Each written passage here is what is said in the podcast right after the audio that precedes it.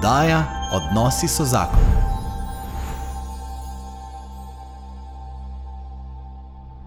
Dobro dan in dobrodošli v oddaji Odnosi so zakon, v kateri Benjamin Sitter, danes v krškem studiu družine in življenja, gostim svojega prijatelja Jakoba Štrbenka. Jakob, dobrodošel v studiu. Hvala za vabilo. Z veseljem. Danes se bomo skušali dotakniti moške poti rasti. Se pravi, tega, kako v današnjem času, moški, bom rekel, naših let, ne, se pravi, rečemo tam nekje med 35 in 50, um, rastemo, oziroma kako si je treba dovoliti izstopati iz določenih okvirjev rasti, ki so bili morda v nas unešeni, ki smo jih uh, kot otroci prenesli na svet. In uh, prejšnjič sem imel tukaj Gregorja Čušina. Ne? In Gregor Čušin je imel nekoč en slaven video na YouTubu z naslovom Krščansko, zgodbo, krščansko vzgojo bi bilo treba prepovedati. Ne? Zelo provokativen naslov. Um, pa tukaj seveda ne mislimo bistva krščanske vzgoje, ampak tisto, kar se je nalimalo skozi stoletja in predvsem tudi zadnja desetletja po vojni na to našo krščansko vzgojo. Za me si ti, je, čeprav si mlajši, si en tak zgled, ne take rasti. Um, tako da, da je morda za začetek malo povej, kdo je Jakob Štrbenk, uh, odkot prihajaš, kakšno je tvoje ozadje. Ja, najprej še enkrat hvala za vabilo, Benjamin. Uh, najbrž to. Uh, mislim, vem, da to ni najmanj prvi pogovor, eh, so jih imeli že veliko, uh, ta je zdaj tako, malo bolj uraden, rečemo Mm. temu, pa ga bo probala narediti uh, tako, da bo za vse ostale tudi prijeten. a ne. Hmm. Um, jaz, uh, to je že samo provokativno vprašanje, kdo je Jakob, ne? Hmm. kdo sem jaz. In um, ker sem vedel zjutraj, da me boš o tem sprašval, ne? da, da se bom mogel predstaviti, sem pomislil najprej, ok. Ne? V resnici odkrito nimam čist stoprocentnega odgovora iz vidika, da bi znal v enem stavku reči, da jaz sem to pa to. Hmm. Lahko se pa definiram z različnimi vlogami. Recimo, če bi se definiral pod, uh, rečemo temu, uh, vlogami v življenju, sem mož, sem oče, sem sin, sem prijatelj, Hmm. sem um, tudi voditelj dveh moških skupin, Hmm. um, oziroma rečemo temu prvi udeleženec. Um, če bi se poklicno definiral, sem po izobrazbi pravnik, uh, delam kot podjetnik, uh, kot oglaševalc, Hmm. po duši sem pa birokrat.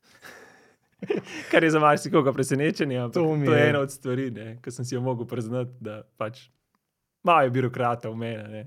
Kaj misliš s tem, pa zakaj si to spoznal? Da. Ker to si prej povedal, da ja. si pravkar spoznal. Mi kaj to. Mislim, nisem prav kar, a ne, ampak tako, ko se opisujem, mi vedno ta, ta beseda hodi ven.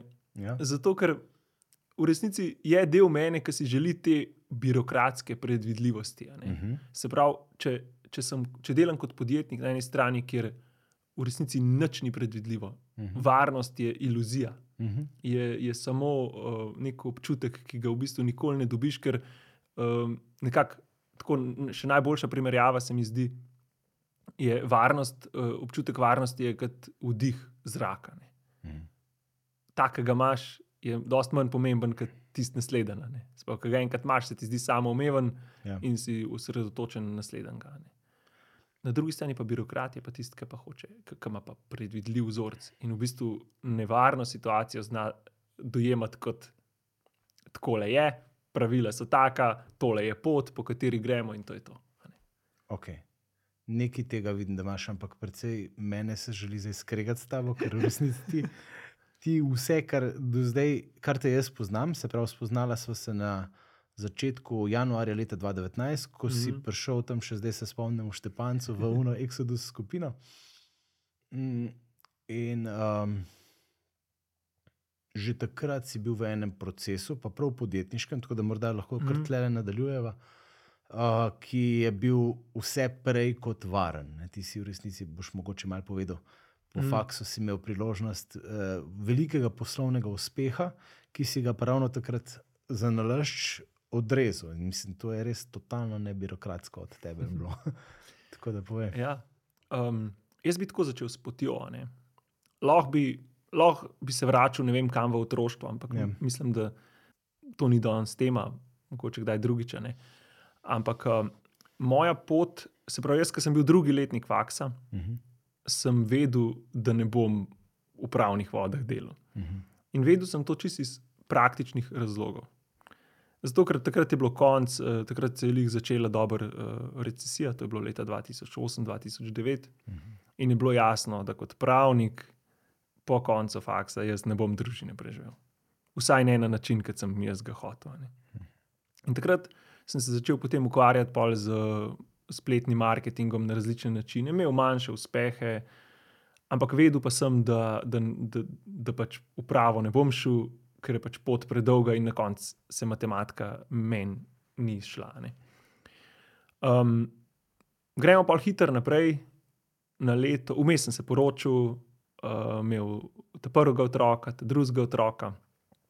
Uh, gremo na leto 2017, ki je pa moja podjetniška pot tako doživela hiter ne. To je tisti, ful težko je ta občutek opisati, če ga ne doživiš. Ne? Mhm. Pa polka govoriš o tem, ti itek noben ne verjame. Ne?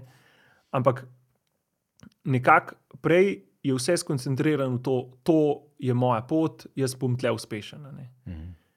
In, pol, in, in, in vse, kar se dogaja v življenju okoli tega, je, je pol, aha, ko bo pa tisto, pa bo pa tudi to v redu. Tisto misliš denar ali Ja, mnogo več kot denar v resnici, ne? ker gre v, v končni fazi za neko priznanje, da ni vse, kar sem investiral do takrat v trud. K, ok, se neki denarja gre v investicijo, ampak ta glavna investicija je v bistvu časovna investicija. Ne? Mi govorimo tukaj o treh letih uh, dela za praktično nič denarja, Mhm. ne? uh, ko upaš, da se bo nekaj zgodil. Ne? Ja. In v tem času odlagam, uno, sem jaz odlagal vse. Ja, ok, ko bo pa to, bomo pa X. Ne? No, in takrat so se mi pol začele stvari odvijati. Se pravi, eno od takih stvari, pač meni kot moškemu, nekaj pomeni avto. ne. In na začetku 2017 sem si končno lahko prvoščil kupiti uno nov avto, in meni je bil to fenomenalen občutek, tako uno, wow. Mhm. In čeprav zdaj, ko gledam nazaj, se mi zdi, ok, pleha, ne, no big deal, ampak Ja, Tisti bil- Saj si bil mlad. Pa Ja, jaz sem, jaz sem bil takrat star, čakaj, koliko sem bil pa star? 27 let. No. 27 let sem bil takrat star. In je bil to, ja, tako, za, za moje pojme, Je uspeh. pač uspeh. ne, In, Ja. in je bil v bistvu, bolje rečeno, tak ta prvi zunani dejavnik uspeha. Ne? Ker če ti nekaj zaslužiš, pa imaš denar na računu, tega itek noben ne vidi, in v očeh drugih si še vedno reveš. Če pa prideš z avtom, pa vsi so, ok, nov avto, v redu, nekaj, že, nekaj, že, nekaj je iz njega, veš, očitno. Ne? Um, in mi je to, ne vem, recimo tudi moj dedek, uh, ki mi je prej do, do tistega trenutka skozi govoril, Jakob, kdaj boš šel delati pravosodni izpit? a ne? Ti moraš iti pravosodni izpit delati. Mhm. Sem rekel, a ta, to ni moja pot. ne." Mhm. Pa sem pa prišel z avtom takrat. Je bilo po koncu. Je bil on, spomnim se še zdaj, da je bil blazno navdušen nad tistim avtom. Pa, pa on ni bil človek v avtomobilu, niti vozniškega izpita ni imel. Ampak on je pa, Jakob, in me spomnim se, da sem bil pri njemu in rekel, da je pet mi avto pokazati. Wow. In sem mu pokazal tisto avto, rekel, to je pa lepo. In sem rekel, vi šata, če bi pa jaz delal pravosoden izpit, pa tega ne bi mogel prvoščiti. Ga še en cajt ne bi bil. Bi ga pa še, ja, bi, vsaj še deset let bi mogel iti mimo. Ne? In njemu se je to, z- in, in od takrat nikoli več mi ni rekel, zakaj ne greš delati pravosodenega izpita. Ne. Um, pa je šla pa pot naprej. ne. Um, in najbolj, uh, se pravi, če bi mogel en moment definirati, pa bilo je veliko takih manjših momentov, ampak vedno je pa en sprožilc. a ne. Mhm.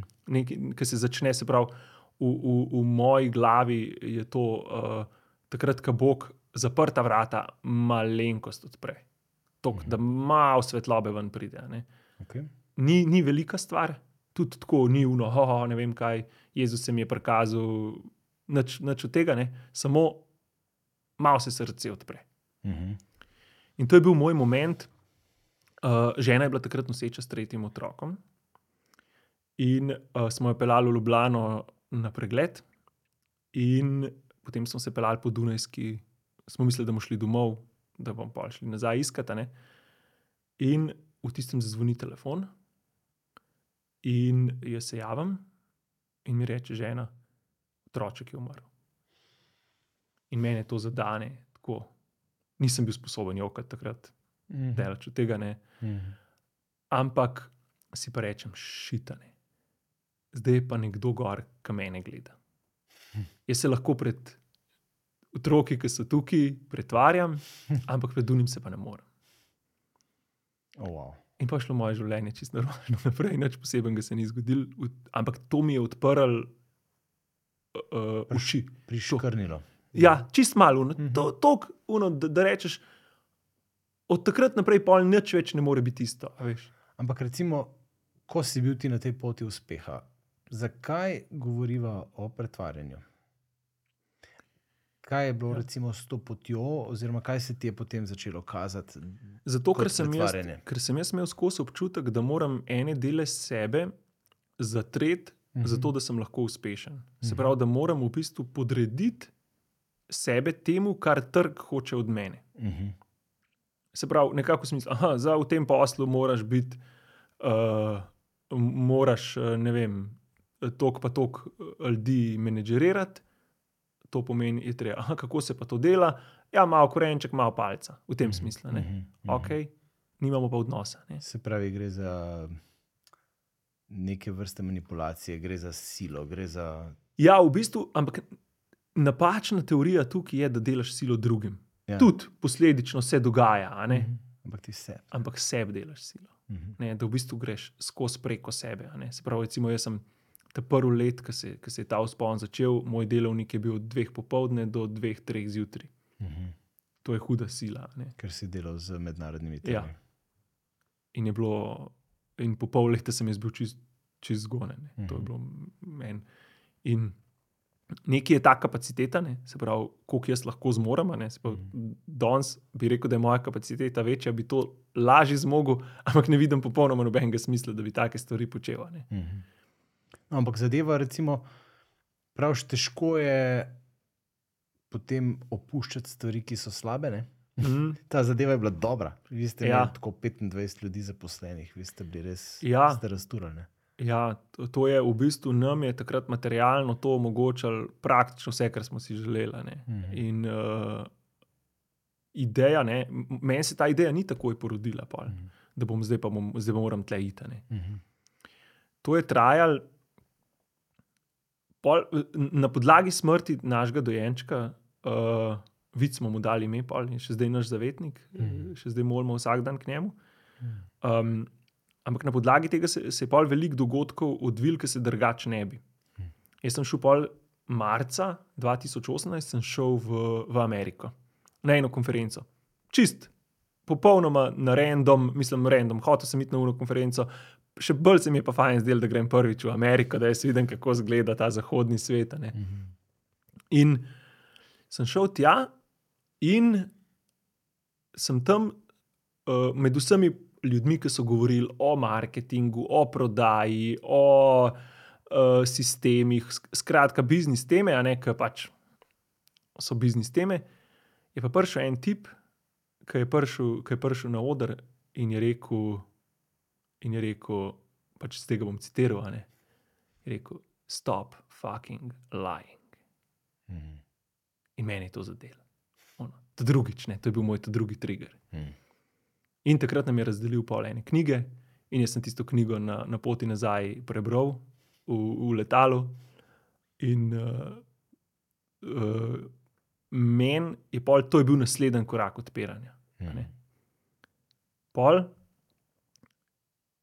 uh, sem pa začel, te, sem, pa, sem pa šel malo v detajle tega, se pravi, te teorije laži, ne, v smislu, kako moški, in jaz sem se v tem močno prepoznal, za namene preživetja začne verjeti stvari, ki niso nujno resnične, oziroma so lahko na, do neke mere resnične. Ne? Ker, ker govorimo o lažeh, večinoma ne govorimo o, o tem, da jaz si direktno lažem, se pravi, imam rdeča avta, govorim, da je zelen. Ja, vse laž je vedno taka, da je samo na pol, se pravi, Ja. prikrojena resnica. Tako, in, in predvsem pa, da ta zgodba, ki si jo jaz govorim, Ja. mogoče ni za me najbolj smiselna zgodba. Ampak da bo konkreten, kaj tukaj misliš? Recimo, na Um, kakšne laži misliš, da deci padamo? Recimo, ena od takih laži je, da delam to, kar je prav. Mhm. To je tak, ta prva, ki mi pade na misel. Jaz delam to, kar je prav. Okay. Mogoče res. Ne. In um, recimo enkrat, en, en tak lep primer je, o, o, ko govorimo o morali. In potem uh, se pogovarjam z različnimi moškimi, ne, in če govori, govorimo recimo o denarju. ne, Pa se pogovarjamo o neki, en, enega pogovora, prav konkretnega se spomnim, pa, pa mi dec reče, ja, jaz zaslužim, ne vem, Jurija pa pol, pa to je bilo takrat še kar dober denar. Zdaj, nažalost, je pač, vemo, kakšna je situacija, ne, ampak uh, nisem pa pohlepen za več. Ne. Mhm. In za me je bil to takoj trigger, ne. Pa takrat jaz že nisem bil več v dobri finančni, tako da bi, da bi ne vem kaj služil, ne, ampak uh, me je pa zelo zadelne. Ker sem pa rekel, lej, uh, da ti meni sam pojasni tole. Ne. Ker ti rečeš, nisi pohlepen, a ne? a ti s tem hočeš reči, da ti, ki greš v službo, ti ustvarjaš dodane vrednosti za ne vem, 10 ali pa 20 tisoč evrov na mesec, plačo dobiš pa sam Jurija, pa pol, ker pač nisi pohlepen. a ne. Ali ti ustvarjaš pač dodane vrednosti za Jurija, pa pol, oziroma ekvivalent temu, Mhm. pa si moralno opravičuješ manjko produkcije. Ne? Okay. Nismo več prijatelji. Ja. Um, ampak ni to pomembno. V resnici jaz sem takih stvari v gruntu, pol pa vse ogromno. Mm. Od tega, od odnosov, ne, če rečemo, od, od, pravi, od ideje, žena je kriva, otroci so krivi. Uh, ne vem, recimo, Vloga žrtve. Ja. eh, to žrtev. En, en tak primer, recimo, ki je, uh, ki je dost, recimo, za, za, za ta dižev kontekst, ne, je recimo uh, zgodba, da more. Um, Da, je, da družina upravičuje manjko produkcije. Ne. Sploh, če že rečemo, ne morala, ker res pač ne rabim tako denarja, a ne. Mhm. Mhm. je pa pol, ah, ne, jaz manj produciram, zato ker sem Imam več z družino. Okay. Kar je res. To je res. To je, veš, noben ne more reči, no, ne, to je laž. ne. Ja, ker ti, če si Ampak, sam, pa ja, ni nikogar dejansko. dejstvo je, da lahko več delaš. Ne. delati, ja. Ampak, a več narediš, ne? a imaš ti svoj proces produkcije dejansko optimiziran, da lahko rečeš, hej, lej, jaz sem res maksimum do od sebe. Mhm. In kar je meni ful pomembno, Ali si samo priden. to, a si ti, a veš, ja. ker če pa se greš eh, zdaj, kar je moderno, ne, eh, čipirati, ne, Mhm. pa 8 ur noč ne delaš, pa pol prej se od, odčipiraš, pa greš domov. Ne? Pa rečeš, da to delaš za družino. Eh, ja, ne vem. No. Ok, Mhm. lahko prešparo si energijo, ne? v redu. Ampak ima to smisel? Ne? Mhm. In jaz, jaz tukaj vidim, ne vem. Jaz ne pravim, da ta zgodba ni resnična. Za marsikoga je ta zgodba resnična, tudi za mene v končni fazi. Ampak je to najbolj smiselna zgodba. Ne? Oziroma, a je to tista pristna, resnična božja To. zgodba, ki, klic, ne? a je to Ja. ta klic za, resnični klic za me kot moškega. Ne? Tukaj se mi zdi, da se v bistvu uh, varujemo, no? cela ta mm. oddaja ali pa cel najmen pogovor se mi zdi, da mora iti v to smer, ker to je najna tema. Ne? Se pravi, katere varovalke jaz postavljam pred sebe, pred pristnost svojo do sebe, do žene, mm. do otrok, do Boga, do Ja. družbe. Veš, ja. Zato, ker je zadaj toliko vsega, ne vem, strahu, sramu, Mm. n- negotovosti, nesprejemanja samega sebe. Ne? Se pravi, to so te stvari, ki jih pol proba moralno upravičiti in reči. Ja, tako pa je. ne. Ampak v resnici, in, in to je res, ne, zadnji je strah pred izpostavljenostjo. Ja. Ker, če pa bom jaz, dokler jaz delam na minimumu, ne, ali pa na uno, to, kar je nujno treba, Uh -huh. da lahko da sistem deluje, ne, eh, da, da, da nam ne odklopijo elektrike v tem smislu. Ne. Um, jaz nisem investiran čustveno v zgodbo. Uh -huh. Je pač delam to, kar je nujno treba, in vedno imam upravičilo. A ja, le pač, ok, bom pa še malo več naredil, pa pa se bo pa zadeva išla. Ne. Če sem pa jaz olin v zgodbi, pa zgubim, Uh -huh. je pa to za me nekakšen dokaz nevrednosti kot moškega. Ne. Ja. In tako, kot si me izval, ne, glede teh zgodb, zdaj le še malo v, v zadju glave razmišljam. Ne, ena od mojih močnih zgodb, uh, duhovno vezana, je bila, da če bom jaz, pre, če se predajam Bogu, Uh -huh. bo Bog od mene hotel stvari, ki jih jaz nočem. Uh -huh. Bo nevarno. In tukaj bolj kot nevarnost gre v bistvu za nek občutek, da je moja želja tukaj, božja je pa v drugo smer. Mhm. In, in to pa je religija. v bistvu. To pa jaz čutim kot uno, nekako v smislu, tako so nas vzgajali. Ne? Pa moram reči, da moji starši glede tega še niso bili toka. Ne? Moj spomin, kar se tiče tega na otroštvu, je dosti tako. Jaz sem veliko podpore dobil, ne, glede na vse norosti, ki sem se jih jaz spomnil v življenju. Moram reči, da so moji starši imeli veliko potrpljenja, ne, to zadevno. Mhm. Ampak- Ampak gre za celo kulturno Kultura okolje, je, je pa taka. Ne, Ja. pa, pa, pa, pa ne, mislim, kar na eni stopni sem začel verjeti, ne, da jaz se moram malo skriti pred Bogom, ker če jaz pridem v pristen odnos z Bogom, Mhm. bo Bog hotel nekaj, kar jaz nočem. ne. Ja. In hudo. In, in, in ta zgodba je spet do neke mere lahko resnična. ne? Ampak, ko pa pridem v globino, pa, pa ugotovim, da jaz pa v resnici tega nočem, kar sem mislil, da hočem. In tisto, kar pa jaz hočem, je pa preklet dober povezan s tem, kar imam občutek, da Bog hoče od mene. Okay. Tle se pa pol zgodba obrne. Deva iti skozi to tvojo pot raziskovanja tega, kaj Mhm. mm. Bog hoče, ker recimo je vključevala to potem ultimativno odpoved tej poslovni, uspešni zgodbi. Ne? Uh -huh. Kako te je Bog tle nagovarjal? En, Ker ti si imel recimo vse moralne opraviče. ja, jaz bi lahko, bi lahko moralno bi si lahko opravičil opravičil, naprej, čist a veš. komotuno, le to je treba, na, moja družina to rab, ja. jaz sem tukaj provider. Um, če tega ne naredim, uh, če, če grem tukaj ven, Bog je kam še kaj drugega dobu, a ne, a bomo Ja. pol sploh lahko preživeli. Ampak spomnim se, uh, znotraj tega uh, sistema, ki sem se ga naučil tam v Ameriki, pol, um, sem odkril eno orodje, ki se mu reče stek, Mhm. ki je v bistvu fulper preprosta zadeva. Imáš kup vprašanj, na katera odgovarjaš, o tem, kako se počutiš, kaj je zgodba, kako, uh, kaj si želiš v resnici. Tako, nekak sistem, po katerem boš povedal več resnice, kot bi jo drugač, zato ker je pač organiziran Samemu sebi. samemu sebi. Ja. Mhm. In jaz sem to začel pisati takrat, in uh, relativno redno, bom rekel, dva, tri na teden, je pa res, da en, en posamezen mi je vzel tako po dve uri, ker je šlo ful veliko stvari iz mene, pa na roko sem pisal, ker takrat še ni bilo nič aplikacij, nič tega. Ne. In, eno tak, uh, in to je bil moj prvi tak način, da bi rekel, da, Bog, da mi Bog kakšne stvari spregovori. a ne. In to ne tako, da kar naenkrat se pred mano pokaže nek lik in mi nekaj govori, ampak da za sebe začutim neko misel, ki vem, da ni moja. Mhm. Ki vem, da ni plot mojih možganov, ker ne more biti. Mhm. Ne? Pa tudi veš, da ni od hudega. Ja, ker imam mir. Mhm. A veš, jaz nisem v napetosti takrat. Ne? Mhm. Jaz mislim, da, da bolj tiste misli, ki so od hudega, so bolj uno, tiste, ki, opravi, ki odganjajo božje misli stran. Bolj te moraš, ne? moralne misli, efektivno. Ne, se pravi, v, v, v tem primeru bi bilo tako, hu, hudičeve podnarekovaj, ne, misli so tiste, ki ti govorijo, Jakob, ti nimaš tukaj izbire. Ja. Ti moraš to, le koliko si noter vložil in kaj boš pa zdaj. Ne? Pa dvom, pa, pa dvom, negotovost, ja. pa, pa, pa, pa dvom vase, pa v Boga. Pa, tako Pa strah, Pa v končni fazi. Ja. Strah je ta velika. Ne? Mhm. In, no, in jaz tam, eh, še zdaj se spomnim, uh, imam tudi to, to, to moj živ spomin, kje sem to odločitev sprejel. Bil sem pod eno olko tam na Cresu, smo šli na ene, rečemo temu, zgodne jesenske počitnice, um, kratke, uh, žena iz otroki, nekam so okol hodili, jaz pa pišem.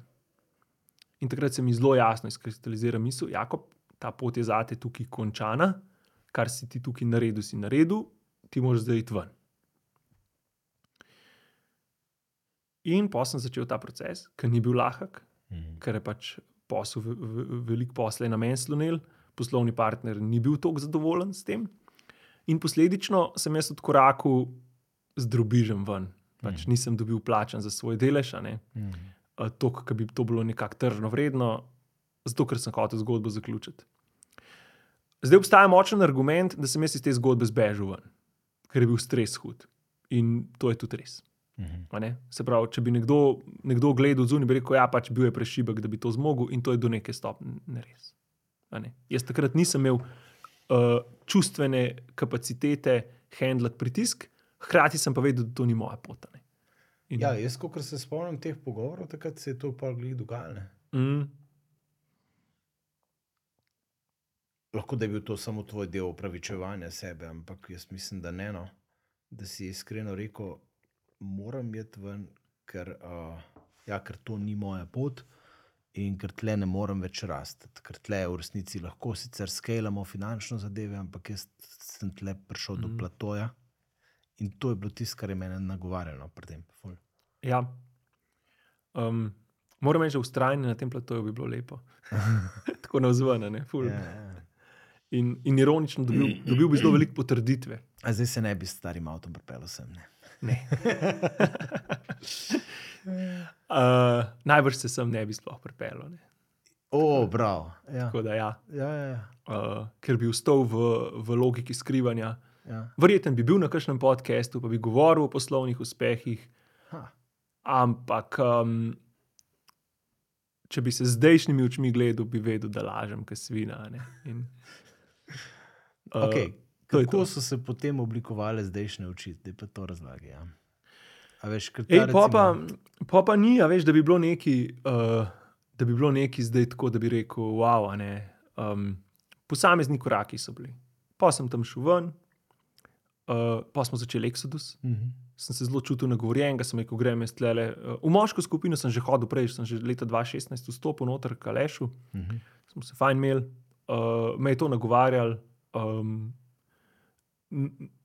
kar mogoče je netipično za me, jaz nikoli nisem bil k- veliko moških, ki vstopijo v skupine, ne, pride tudi neko družbo iskati. Ne. Mhm. Jaz nisem imel pomankanja družbe, jaz sem imel tako relativno veliko prijateljev, ne, nisem bil, pač nisem bil nikoli samotaran. Um, ampak čutil sem pa, da lahko še nekaj naredim izven tega. Pa, um, za me je bilo to kot nekakšna zakonska skupina za moške, podrekovaj, kot se to narobe sliši, ampak nekaj, kar lahko z moškimi, ki so v podobni situaciji, ki jaz govorim o stvareh, ki, ki pač, s katerimi se srečujemo. ne. Mhm. In um, pa smo začeli Exodus. Mhm. Tam, to je bil ta prvi tak korak, da bi, eh, k- k bi rekel, da je šel pa malo bolj ostro noter. ne. In takrat sem se, za- začel sem se zavedati, ne, da, da v resnici jaz ne morem na silo nič narediti. Zdaj, začel sem se zavedati, pomeni, da je tako uno, tak plamenček je bil v meni. Ja, itak. Tako. E- Exodus je neki sile. Ne? Exodus Ja. ja. pač si narediš silo, ampak gli za to, da spoznaš, da silo ne moreš. Tako nekako. Ja, je, ja. Je, lahko, to, to je dobra definicija. Zato, ker um, en let nazaj, bi, od, od takrat ne, bi si jaz upravičil, pa kaj jaz rabim dokazovati se tukaj, uh, sej sveto pismo, kar dobro poznam, bla bla. ne. Um, sej, uh, kam imam pa jaz drugim decem zapovedati, tako meni, uh, uh, mal da ne uno. Ne, da sem se čutil boljšega, ampak vedno sem se počutil drugačnega. V smislu, oni nimajo problemov, ki jih imam jaz. Mhm. Večina delcev nima takih problemov, kot jih imam jaz. Večina živi v nekem varnem uh, mehurčku in uh, ne razmišlja o stvarih, ki jih jaz razmišljam. ne. To je bila moja ideja, moja teorija, Okay. ne? moja zgodba, ampak je bila lažna. ne. Zato, ker sem videl, da v bistvu se vsi pol uh, srečujemo z istimi problemi. Mm. Deva malo o tej, o tej sili v, v, v razlikovanju z močjo. Ne? Se pravi, kakšna je sploh tle razlika? Ne? Ker jaz, recimo, kot en tak tipičen predstavnik našega hm, religioznega okolja, ne, imam moč ne, takoj za nekaj slabega. Ne? Čeprav, um, ko pa bereš res pozorno evangelije ali pa svetopismo in gledaš Jezusa, ne, a veš, in glih zdaj te dni je bilo, ne, vsi so prihajali k njemu se ozdraviti, kaj ti moč je izhajala iz njega. Ne, Mm. veš, se pravi, ok, obstaja ta prava božja moč, ki pa ni gospodovalna moč, ki ni manipulativna moč, ki ni mm. moč, ki skuša nadzorovati, pa, pa spraviti pod svoj okvir. Ampak to je res ta ful božja kategorija, ta svet, kot je v tem svetu moči, je ponavadi ta manipulacija, ne? Mm. um, je ta sila. Ne? In zdaj mi, tako no, nagovarja me to, kjer pa smisel, da bo na koncu prišel do tega. Ampak tako, recimo, mi, ki smo gledali, ti si nas pelo zdaj le pred dvema tednoma ali tremi tedni, ne vem. V Nazar je 25 decev gledati risanko. kri- risanko Lev je kralj, ki ima pač ogromno enih sporočil za nas.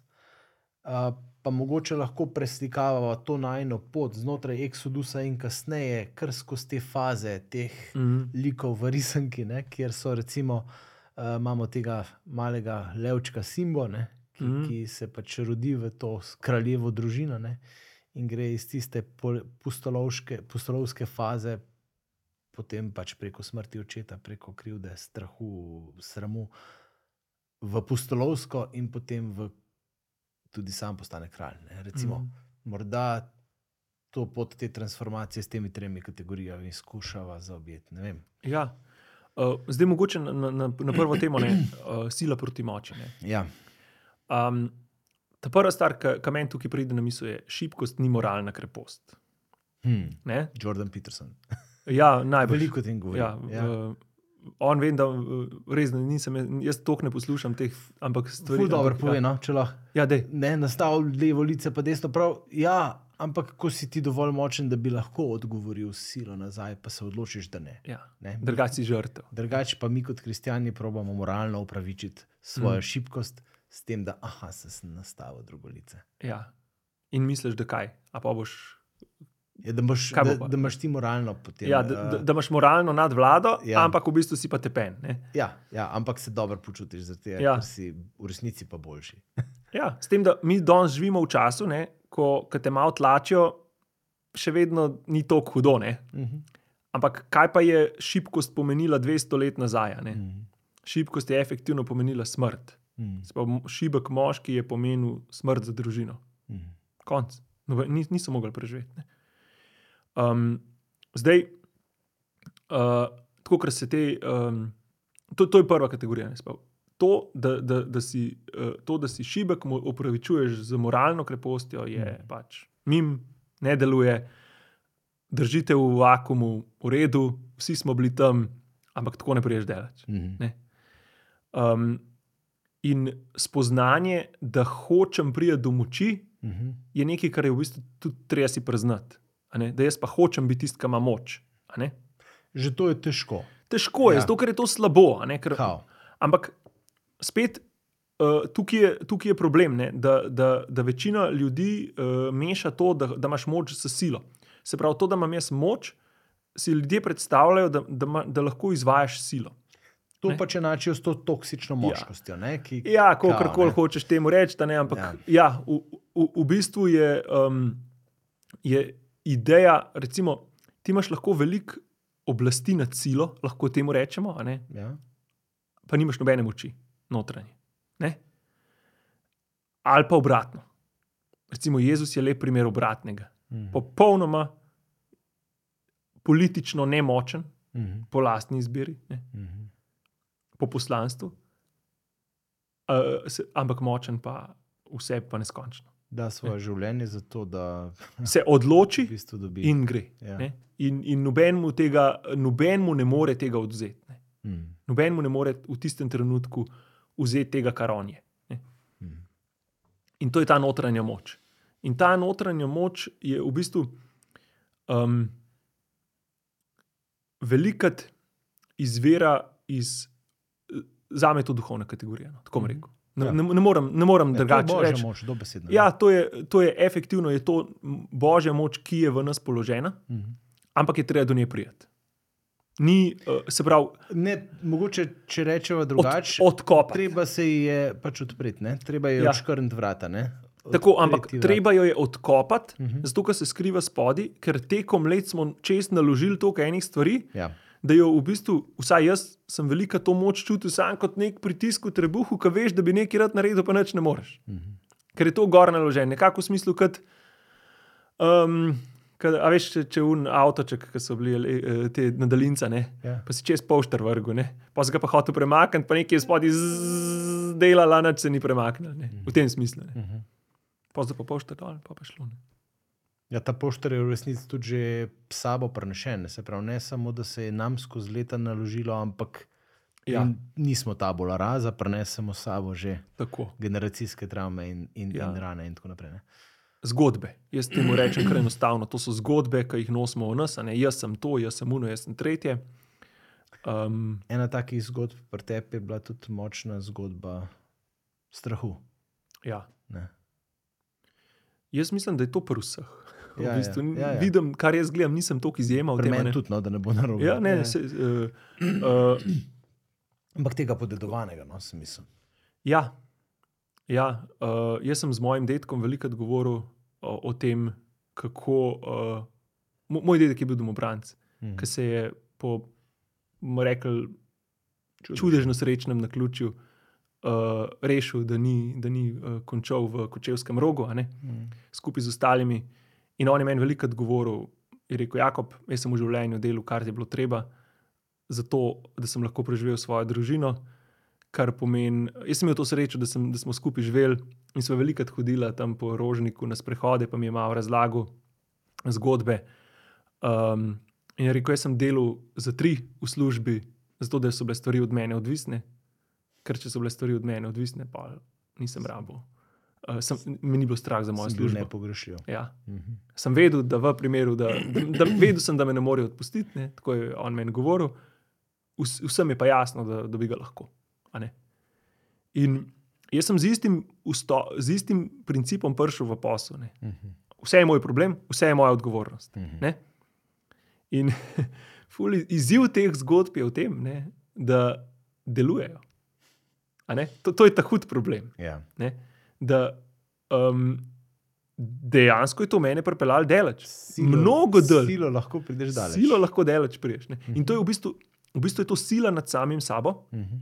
ki ne čutiš te moči, ampak čutiš nek zunanji pritisk, v bistvu, da to se mora zgoditi, ker če se pa to ne bo zgodilo, pa je pa konc. ne. Okay. In uh, jaz sem, jaz sem pol se začel zavedati, ne, da, da v bistvu meni je tukaj strah žene. In da jaz ne morem s strahom priti do nečesa smiselnega, Mhm. ker bom vedno se vrnil nazaj. Ne. Vedno, bom, vedno se bom hotel skriti. In mm, zelo me je zadelo enkrat, ko sem slišal, da v bistvu je treba izbrati med strahom in med upanjem. Okay. Kak, kaj to pomeni? da ko prijem v situacijo, ki čutim močen strah, je prvič biološko je treba priznati, da ta strah ima svoj namen. Namenjen je temu, da, me preživi, da, da jaz preživim Mhm. in da preživijo moji potomci. Ampak takrat je treba malo odpreti glavo in pomisliti, kaj v resnici je tukaj zadaj. A je to realen strah? Mhm. Se pravi, a je tukaj zadaj realen problem, a je to opozorilo, ali je to strah, ki me v bistvu hoče dol, dol povleči. In kaj je, pa, kaj je alternativa? Upanje je za moje pojme alternativa strahu. Mhm. Se pravi, da rečem, Ki je spet božja kategorija. Ja. In, in, in svetopisanska zgodba tukaj, ki je, oziroma um, ta citat meni vedno prihaja, ne moreš služiti dvema uh, gospodarjema hkrati. Mhm. Na enem stolu je uh, strah, na drugem je upanje. Hm. Izberi. Ne? V primeru, da živiš v strahu, efektivno pač ne živiš po božjih navodilih. Mhm. Ne? Mhm. Oziroma, po uh, božjih navodilih je grda beseda tukaj. Po božji, Božji božji volji, želji, ne? po Vol- božji volji. želji, po, Ja.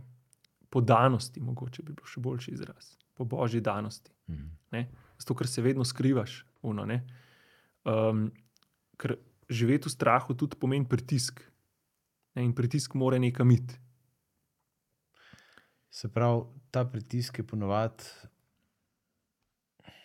povezan s tem, ki ga jaz, pritisk, ki ga jaz vršim nad sabo, ne, je ponovadi povezan s tem, da skušam dokazati nekaj, ne, dokazati mm. -hmm. svojo vrednost, dokazati svoj, samemu sebi, Mm. da sem sposoben ne, ne vem, preživeti družino, zaslužiti to ali karkoli v poslu, recimo, ali pa da jaz pač sem. Ne vem. To dokazovanje je v resnici spet ena taka kategorija, kjer je nasilo ali pa nasilje izvajaš sam mm. Nad sabo. Um, ja. Ti si postavil, recimo, dokazovanje proti sprejemanju. Ja, Recimo. um, to je bilo tudi, um, se pravi, jaz kot z, z vsem, kar pridem na svet, kar prenesem iz generacij prej, kar ugotovim sam, da v svetu deluje, ne, Uh -huh. Uh, vzpostavim neko sliko samega sebe. Uh -huh. Ne o tem, kar jaz sem, ampak o tem, kar bi jaz moral biti. Uh -huh. Se pravi, kaj moram jaz biti, zato da Kaj bom. svet pravi, da ja. Sem Da rabim, da sem spremljiv. Tako, da sem sprejet. Ne? Mhm. Ker mi ne moramo, veš, um, jaz ne morem kot moški z, uh, podcenjevati moči sprejetosti. Ne? Mhm. Na neki stopni bom vedno naredil tisto, kar je treba, da bom sprejet. Ne? Uh, zelo malo je osebnosti, ki lahko živijo v nesprejemanju, pa ponovadi so to kakšne klinične kategorije. Tako da, um, in pol, pol pa postavim neko idejo o sebi, ne. Mhm. in zdaj hočem, jaz hodim po svetu in hočem dokazati, da je to res. In ta slika mene ali ideja, ki jo jaz mislim, da bi mogel biti, je do neke mere resnična, do neke mere to sem. Mhm. Ampak na drugi strani pa nisem. ne. In uh, življenje me skozi opominja. ne. Mhm. Bog prid, prihaja in mi govori, da je tole ni res. Ne? To ni res, kar kar ti govoriš. Ti nisi tak. Ne? In v bistvu ogromno energije gre za dokazovanje, da jaz nekaj sem. Mhm. Medtem, ko bi mogel samo prepustiti in reči, da je, to nisi ti. Pač, To Ne. so ful temeljne stvari, ki se tičejo teh naše identitete. Ne? V, tem, v tej risanki, o kateri smo Ja. govorili, je bilo pač ta ključni moment, ki jih ta mladi lev, ki pobegne v džunglo, ne? Mhm. dobi poglav se strani onega preroka, pa prav spomni se, kdo si. Ne? mm, Pa kaj je tvoja resnična, pristna, prava božja identiteta? Ne? ja. Recimo, ena stvar, kjer si mi ti v izjemen navdih bil in si, recimo, je tvoj R. Ne? Ko smo Mm. mm. se mi spoznali, ne vem, če ga še znaš ponoviti, ampak ti si govoril. Ne ja, bizno, r, r, tako le. Tako, Nekako, ja. No, ja. se moram že malo pomatrati. Ja. Bog ne da, ne, da, da Ne, ne, ne bom se navadil nazaj. Ne. No, ampak recimo, ne, to je ena taka stvar, ki je ful fizično povezana z menoj, z mano mm. kot človekom, z identiteto, s prezenco, ki jo imam napram družini, prijateljem, vsem.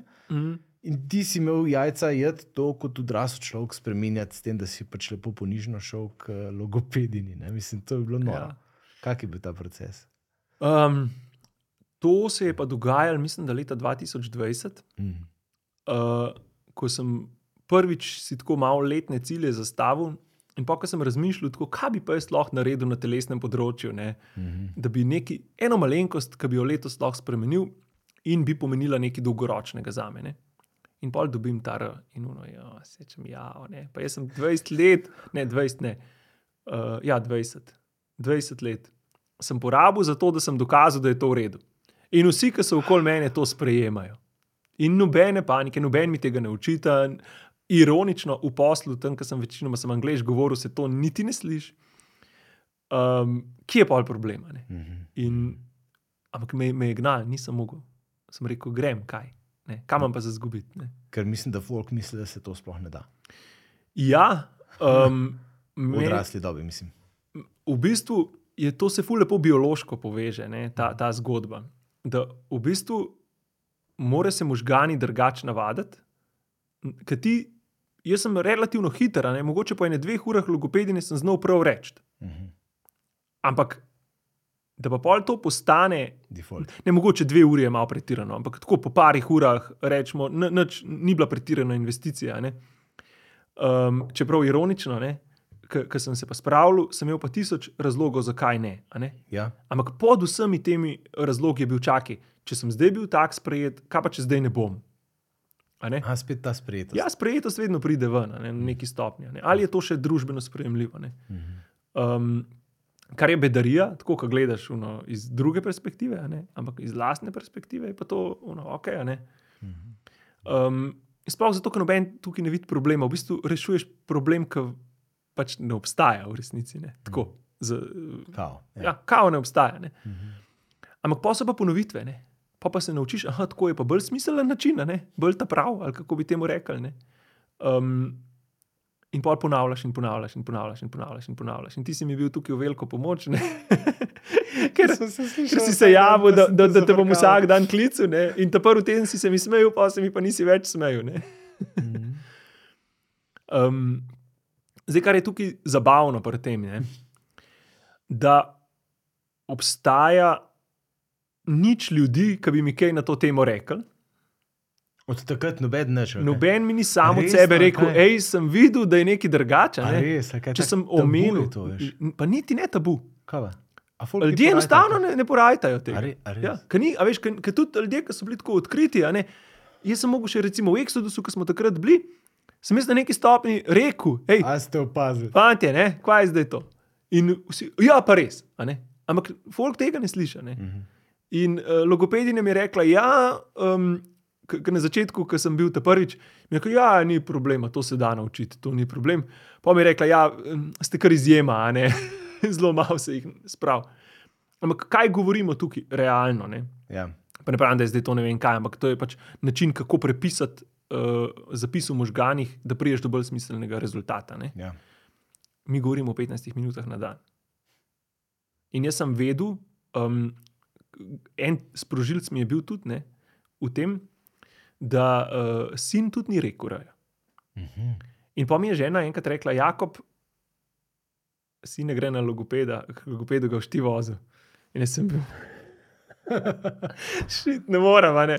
In se to ne morem jaz tako živeti. Ne nam je zdaj, kaj bom jaz tam s- v sramu hodil pred uh, logopedinjo in, in kaj.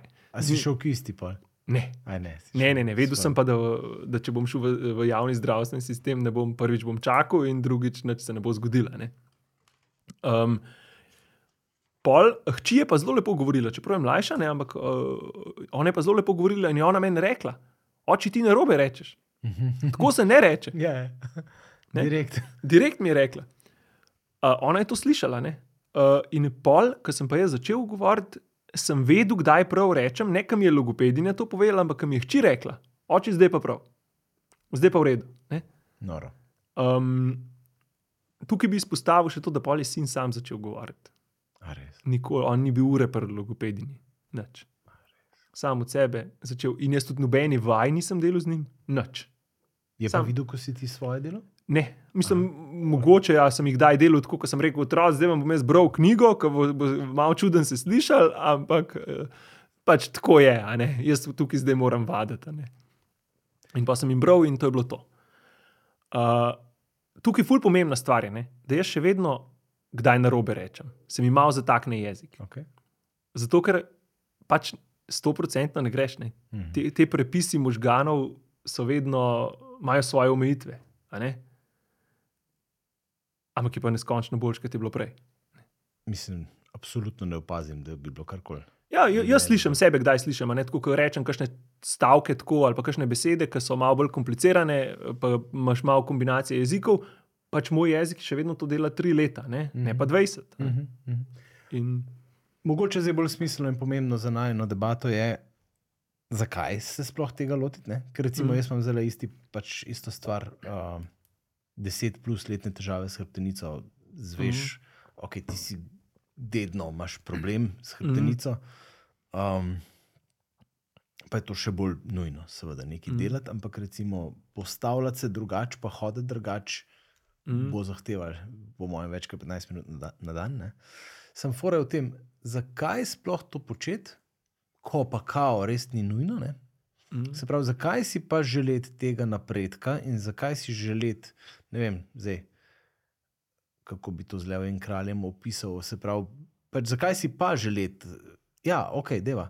Zakaj si pa želeti biti kralj? Zakaj pa si želeti pač stati tam na vrhu tiste skale? Ne? Se pravi, mm. opazovali smo skarja, ne? mm, In morda je to pač prilika, da tukaj prepeljemo noter te gama prvine, ki, ki mm. mnogo krat so načini bežanja. ne. Uh, a veš, Mogoče te lahko le prekinem. ja, dej. Um, da, um, da, da, da lahko v bistvu, zakaj ne? Odgovor, ja. zakaj pa fulno to poveže z gama prvinami. Ne? ja, se. Uh, zakaj hočem jaz tja splezati na, na vrh skale, zakaj jaz hočem biti kralj? Zakaj mi ni dosti, da sem tam v džungli, Ja. pa jem une črvičke, pa si govorim, koliko je življenje lepo, pa nimam nobene odgovornosti. Matata, Ja. ja. ne se smo. Zakaj se, jaz, zakaj se jaz podam v problem vnaprej? Ja. Če vem, da bom imel problem, pa vem, da, da tvegam smrt, smrt ne? Mhm. efektivno tvegam. Potencijalno zavrnitev, kar je enako. Zavrnitev smrt. je ja. enako smrt, a ne? pa, pa tudi uh, veliko stvari, ki delamo, efektivno tvegamo smrt. Recimo to, da sem jaz danes tukaj, v majhnem procentu tvegam, da bom umrl na cesti. Ja. Ne? Ma, Zanemrljivo tveganje, ne? ampak še vedno pa je tveganje. ne. Mhm. Um, delam to za moč, ker hočem imeti moč. Da lahko nekaj naredim. Ne? Mhm. Moč pa izhaja iz želje, v resnici. Mhm. Želja je pa nekaj, pa to ni zdaj psihološka kategorija, jaz sem pravnik, ampak samo tako, kot vidim pri sebi. Najprej se zbudi želja, in pa se začne, pol začne rasti moč, zato da se nekaj zgodi. Spaj, moje, moje najprej, imaš različne triggerje, sem jaz imel, Mhm. ki bi rekel, ali lahko bi pač več zgodb povedal, ampak recimo ta R, ki smo že govorili, ne, triggerji so različni, ampak na koncu odloča želja. Mhm. Jaz ne morem, nimam, uh, iz sramu ne bom nikoli tega delal. Sram je lahko trigger, ampak če se ne zbudi želja, hej, tole bi lahko bilo pa drugače. Tu pa ne rabiš biti? Ja, in to je v resnici, po mojem, če To je prevedeva, klic. ja, tako, to je božji, božji klic. Ja, Ja. to je božji klic. In uh, ta ideja, ne, da, je, da so moje želje nasprotne božjim željam, Ja. je pač Napačna. svaljena Mhm. in ne deluje. In uh, v primeru, da so moje želje nasprotne božjim željam, pol si lažem. Ja. Ali pa ne prepoznavam božjih želja, pa jih dojemam kot silo. Ne, to je pa ta druga možnost. Ne. Se pravi, da, da jaz mislim, da moram delati nekaj, zato ker je to kao božji zakon, ki so mi ga pač prodali kot neko idejo, ki pa ne drži. Ne. Okay. Um, In to skrivanje vodi v to gama sceno. Um, v gama sceno pa vod nepripravljenost plačati ceno. Mhm. Se pravi, jaz vem, kaj je treba narediti, zato da se zgodi X. In vem, kakšna je pot do tja. Se pravi, če hočem jaz, A vem, a veš, kaj veliko decev je v tem, da, da ne ve, kam, kaj hoče narediti. Tako so se oddaljili od te svoje mm. Mhm. želje ali pa od božjega klica, da so preprosto v skrivanju, da preprosto tega triggerja še ni. A razumeš? In, Ja. in recimo, ne vem, v tej risanki imamo tega skarja ne? in smo mm. Komentirali na tem vikendu. Skar bi lahko šel in ustanovil svoje kraljestvo, ampak bi moral tvegati. ne. ja, lahko A, bi. a je on se sploh zavedal te možnosti, da bi lahko šel ustanoviti svoje kraljestvo? Obstaja tako močen argument, da je uh, njemu strah prevladal. Ja, Ja, ja. da je, da je uh, razumsko se lahko mogoče zavedal, ampak čustveno pa te možnosti ni dopustil. Mhm. Ker je bil strah močnejši od želje, strah je bil močnejši od upanja. Ne? Mhm. Potem pa pridemo v iskanje alternativne. Mhm. Kako jaz vseeno dobi, dobim moč, če nisem pripravljen Plačati cene, ja. plačati cene tega. Ne? Až jaz ne morem. eh, eh, Lep primer je za moje pojme fizična moč. Ne? Ja. Jaz moram za to, da lahko dvignem 50 kg, najprej biti sposoben dvigniti 5 kg. Simpel, ne? Mhm. Pa moram biti sposoben 10 kg dvigniti, pa 15, pa 20, pa 30, pa, tar, tar, tar, pa enkrat lahko eno jutro se zbudim, rečem, danes bom probil, a 50 kg, evo jih, gor. Ne? Če jaz tega nisem pripravljen, če jaz nisem pripravljen dvigati 5 kg, pa 10, pa, pa pol iti po poti, da bom lahko 50 jih dvignil, pa da si nisem najprej sploh pripravljen priznati, da jaz hočem 50 kg dvigati, Mhm. pol v resnici kaj se bo zgodil, jaz si bom opravičeval. Pol Jaz se sem pameten. pol se boš zbudil v Sloveniji. Provokativno malo, ampak Lahko ja, tle, ne posod. Mislim, samo povsod, Slovenija. Se vem, se vem. Ampak je cela ta naša, ta naša moška, mislim, vse imaš prav posod. Ja. A veš, ampak ta moška moč, ki je tudi fizična, ali pa naj bi bila ne, Mhm. v zahodni kulturi, rečemo, no, je, je pač demonizirana, je, je Ja, nekaj, od, se, od česar se je treba ograditi, ker je seveda res bila toliko krat zlorabljena v zgodovini. ne, To si moramo priznati. ne. moč ni bila zlorabljena, sila je bila Sila je zlorabljena. bila- ne. No, ja, ja, to se je enačilo. Ja, lahko, bi, lahko bi rekli, da je bila sila usmerjena v nesmiselno smer. Ja. Ne? Ampak a veš, jaz, jaz ful ne rad sodim zgodovino, Hm. prednike. Ne moreš iz te trenutne pozicije ja. gledati nazaj in komentirati. Ja. Kogarkoli obrnemo, naši predniki so naredili to, kar je treba, da smo mi tukaj. Smo tle. Ja. Ne? Mi, In je- mi sem- danes ja, tega ne ja. delamo kot družba. To je, to je bolj dilema, Ja. kje, kje smo mi. ne? Ja. In, a veš, um, je- um, mi imamo uh, v- tej, to je zelo, uh, kako se reče, uh, politično nekorektno je govoriti o tem, ne, ampak v, v sistematizaciji moških v družbi. Ne. Imamo alfa samce, imamo beta samce, Ja. vsi vemo, kaj je alfa samca. ne. Uh, to je Dajmo ono to vrh. razložiti. A, mislim, a, je, Ja. Ja. A je to realno, ali si, si ti to zmislil? Ne, to je, to je družbena teorija. Pač, Ja, to je teorija, družbena la, teorija. u- lahko upišete na Google uh, char- characteristics of alpha males, pa bo jasno napisali. Ne? Ja. In alfa samci tisti na vrhu je v bistvu ultimativno prevzemanje odgovornosti. Ne? Uh -huh. Beta samc, unka se okoli gama samca vrti. Alfa samca. Uh, suprosti, alfa samca vrti, je v bistvu podpora. Ne? Uh -huh. Pol je delta samc, je načeloma, uh, rečemo temu, delovna raja, pod narekovaji, pa ne v, slab, v slabšalnem smislu, ampak to je dec, ki se mu reče: to pa to naredi, on bo to naredil, to je to. On družbeno blazno ne razmišlja, Ja. v tem je zadovoljen, kar je in to je to.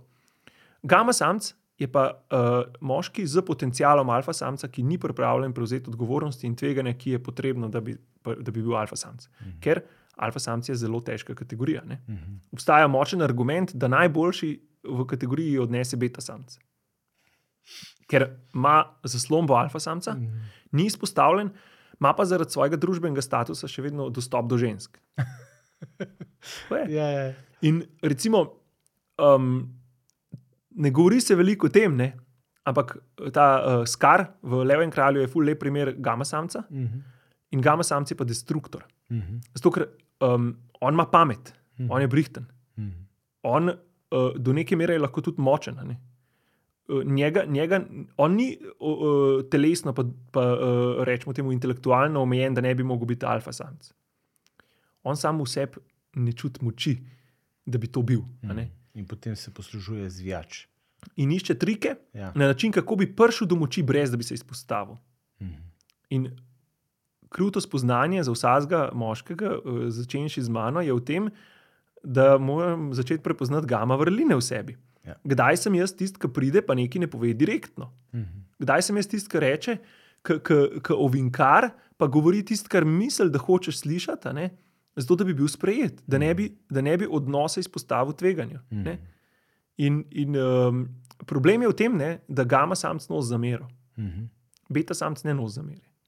Hm. On ve, da, je on, da on pač ni na vrh in se je odločil, da ne bo na vrh. In mu je v redu. In mu je to v redu. Uh -huh. Ker nisi kralj, si pa knes, v redu. a ne. Ti veš, kdo je kralj, kralja spoštuješ in to je to. Uh -huh. Gama samc pa ne more tega sprejeti. On pa ne more, on ve, ker on ve, da ima potencial. In on si ne more lagati ve, eh, vse, globoko vse. Se pravi, tisto, tisto faušija, ne? Fušija je gama, je gama ka- karakteristika. Kategorija, ki ja. pride takrat, kadar veš, da imaš potencial, pa da ga ne izkoriščaš. Ja. In uh, vse moralno opravičevanje. Zato, ker lej, morala je tako raztegljiv pojem, da mi lahko praktično vse moralno opravičimo. ne. Ja. Če so lahko v, v nacizmu moralno opravičevali strebljanje judov, pa ni je kategorije, ki je. ki Ali se- pa zdaj obratno. Ja. Ali pa obratno, kakorkoli. Ja. Um, ve, mo- z moralo lahko marsikaj upravičiš? Ja. da je nekaj višje dobro Mhm. in pa je to. to a ne. Ampak ti, da si pa zazreš vase in rečeš, okay, kaj pa je tukaj res smiselno, ne? to pa drugo. Ne? In um, to spoznavanje, ne, kdaj, kdaj jaz, uh, sem jaz tisti, ki noče prevzeti odgovornost, ne? hkrati pa da ne delam iz sebe žrtve. ne. Um, pa s tem, ker ne prevzemam odgovornosti, delam žrtev iz sebe. Ne? Mhm. Ampak po drugi strani je pa tudi, uh, kar je pa eno od nedavnih spoznanj, ne, uh, kaj pa pomeni, da prevzemam preveč odgovornosti. Pa zato, da bi, da bi imel kontrolo nad situacijo. Ne. Mhm. In to je pa iz vidika vodenja pa problem. Lahko, ne. Mislim, ni lahko, je problem. To je problem. Ja. To je velik Ko problem. ne znaš prepustiti, uh, ker misliš, da moraš svoj občutek vrednosti graditi na tem, da zmoriš in Tako, znaš. in da moraš biti v vsem dober, ne. Zmoriš vse. Ja. In Ja, um, velik del za me, ne v zadnjem času, je bilo tudi spoznanje, v čem sem jaz v resnici dober, v čem sem, uh, v čem sem odličen, v čem sem dober, v čem sem pa. Rečemo temu slab, ne, ali pa Mhm. podpoprečen, kako koli. Mhm. Ker nas so recimo učili uh, v šoli, ne, če ti slovenščina gre, matematika, pa ne, kje moraš ti posvečati čas. Ne. Mož- matematika. Ti moraš ja. delati na matematiki, ker slovenščina ti tako že gre. Ne.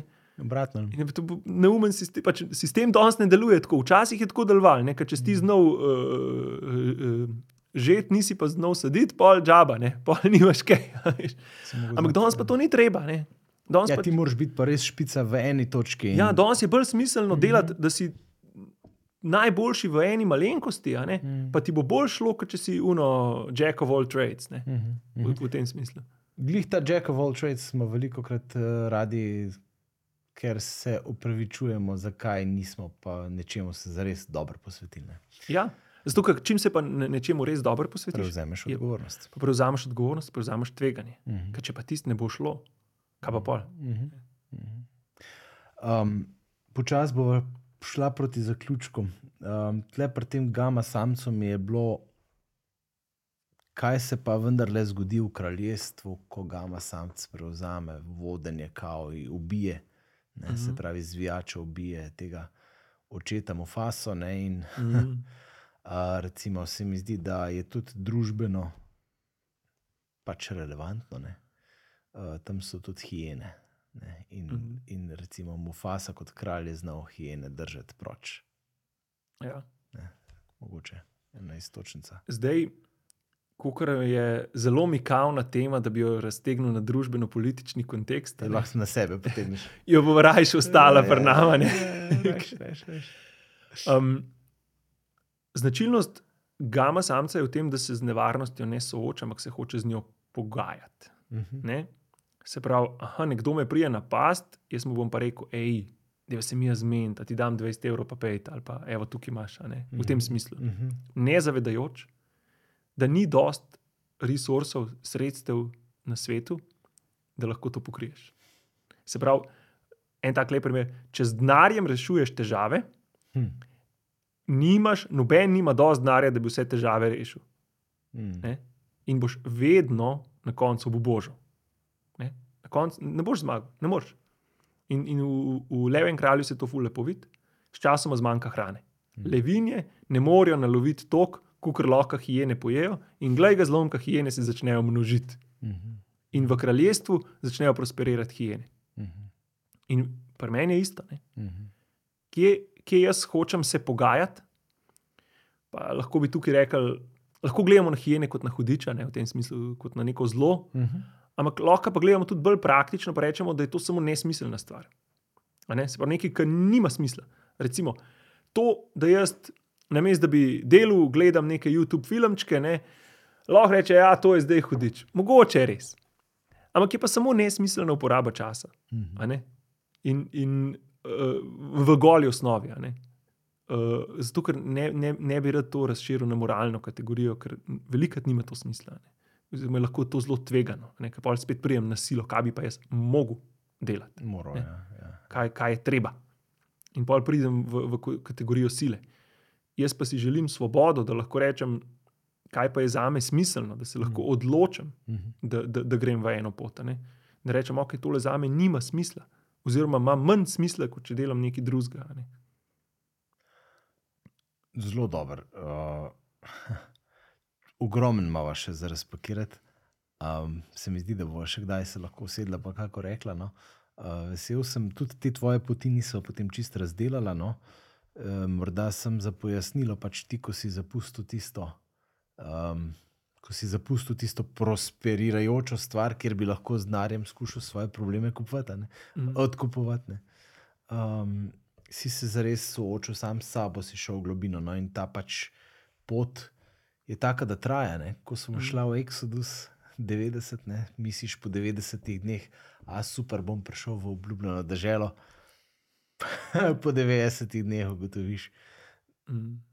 Samo da si zaslužen, ampak da obljubljena država obstaja. Ne? In potem smo Ja. šli mi v ta triletni proces, smo rekli, po treh letih bomo pa res. Mm. Lej, smo ugotovili, da obstaja in da smo morda naredili nekaj korakov. In potem sva šla še v to level up skupino, pa pustva res to še za drugič, kaj zdaj delamo. Uh, mi je pa všeč to, da dava eno znamenje enega upanja za zaključek, recimo, to je tudi zadnja oddaja v tem letu. Mm. Uh, smo tudi v tem, bi rekel, božičnem času. Um, Bog je tudi prišel na svet kot dojenček, ne? se pravi, ni prišel z silo, ni prišel udret z Mhm. močjo, ne? ampak je prišel kot dojenček, kot nemočni, Mm. da je lahko vse, mislim, da je lahko s odpovedjo sebi postal zares močen. Ne? Mogoče ne vem, če imaš. Na to, kako odmev Ja. za, za konc. da jaz sem velikrat mislil, da je proces rasti uh, nekega napredka, ne, ki nam prodajo, kao, bodi najboljša verzija sebe, pa podobno. Ne. Ja. Da To pomeni, da jaz moram nekaj postati. Mhm.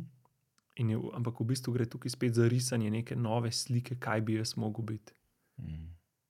Mene je zelo obrnil eh, razmišljanje, da sem ugotovil, da moramo v bistvu odrasti. Se pravi, pomeni, da moram več opustiti, Mhm. kot nekaj na novo narediti. Mhm. Da moram bolj sprejeti, kot kar nekaj graditi. Ne? In, in da velik del teh uh, sprožilcev, teh triggerjev, ki pridejo, ni namenjen temu, da jaz nekaj novega delam. Mhm. Tudi tud je. Ne? Ampak da jaz pridem v globino tega, kar jaz v resnici sem. Ne? In s tem se v bistvu vrnemo na začetek, ne? kdo sem jaz. Mhm. Ne vem. Bog mi vsak dan Ja. sproti odkriva. Bog mi sem. pokaže različne poti, Mhm. uh, različne ljudi, prek katerih mi govori, in uh, mi kaže naslednji korak. Mhm. Ne kaže mi obljubljene države. In, in tukaj mislim, da je vzpodbuda vsakmu od nas, ki čakamo, da se bo nekaj velikega zgodil, pa ne vem kaj. Ne? Zdaj bo pa ne vem, se je Jezus prikazal, pa mi rekel, končno, kaj moram jaz delati z življenjem. Ne? Ni tako, mi, mi, če bi imeli kapaciteto, da se to zgodi, bi se to zgodilo.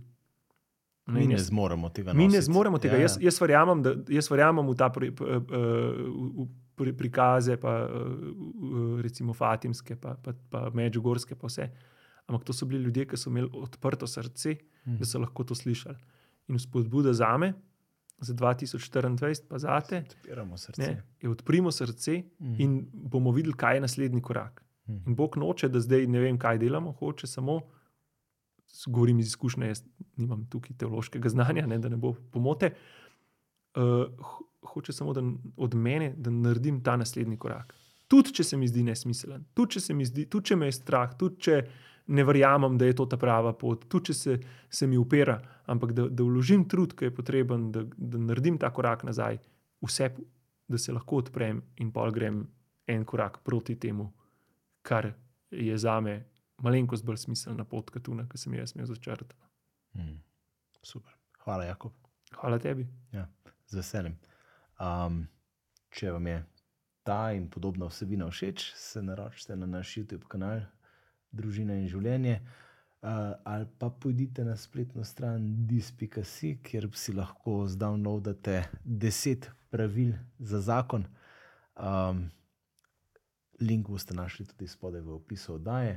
Oziroma, če ste to oddajo spremljali po kateri od televizij, vam želimo en lep, blagoslovljen vstop v novo leto, res. Uh, pa vesele praznike. Z Bogom.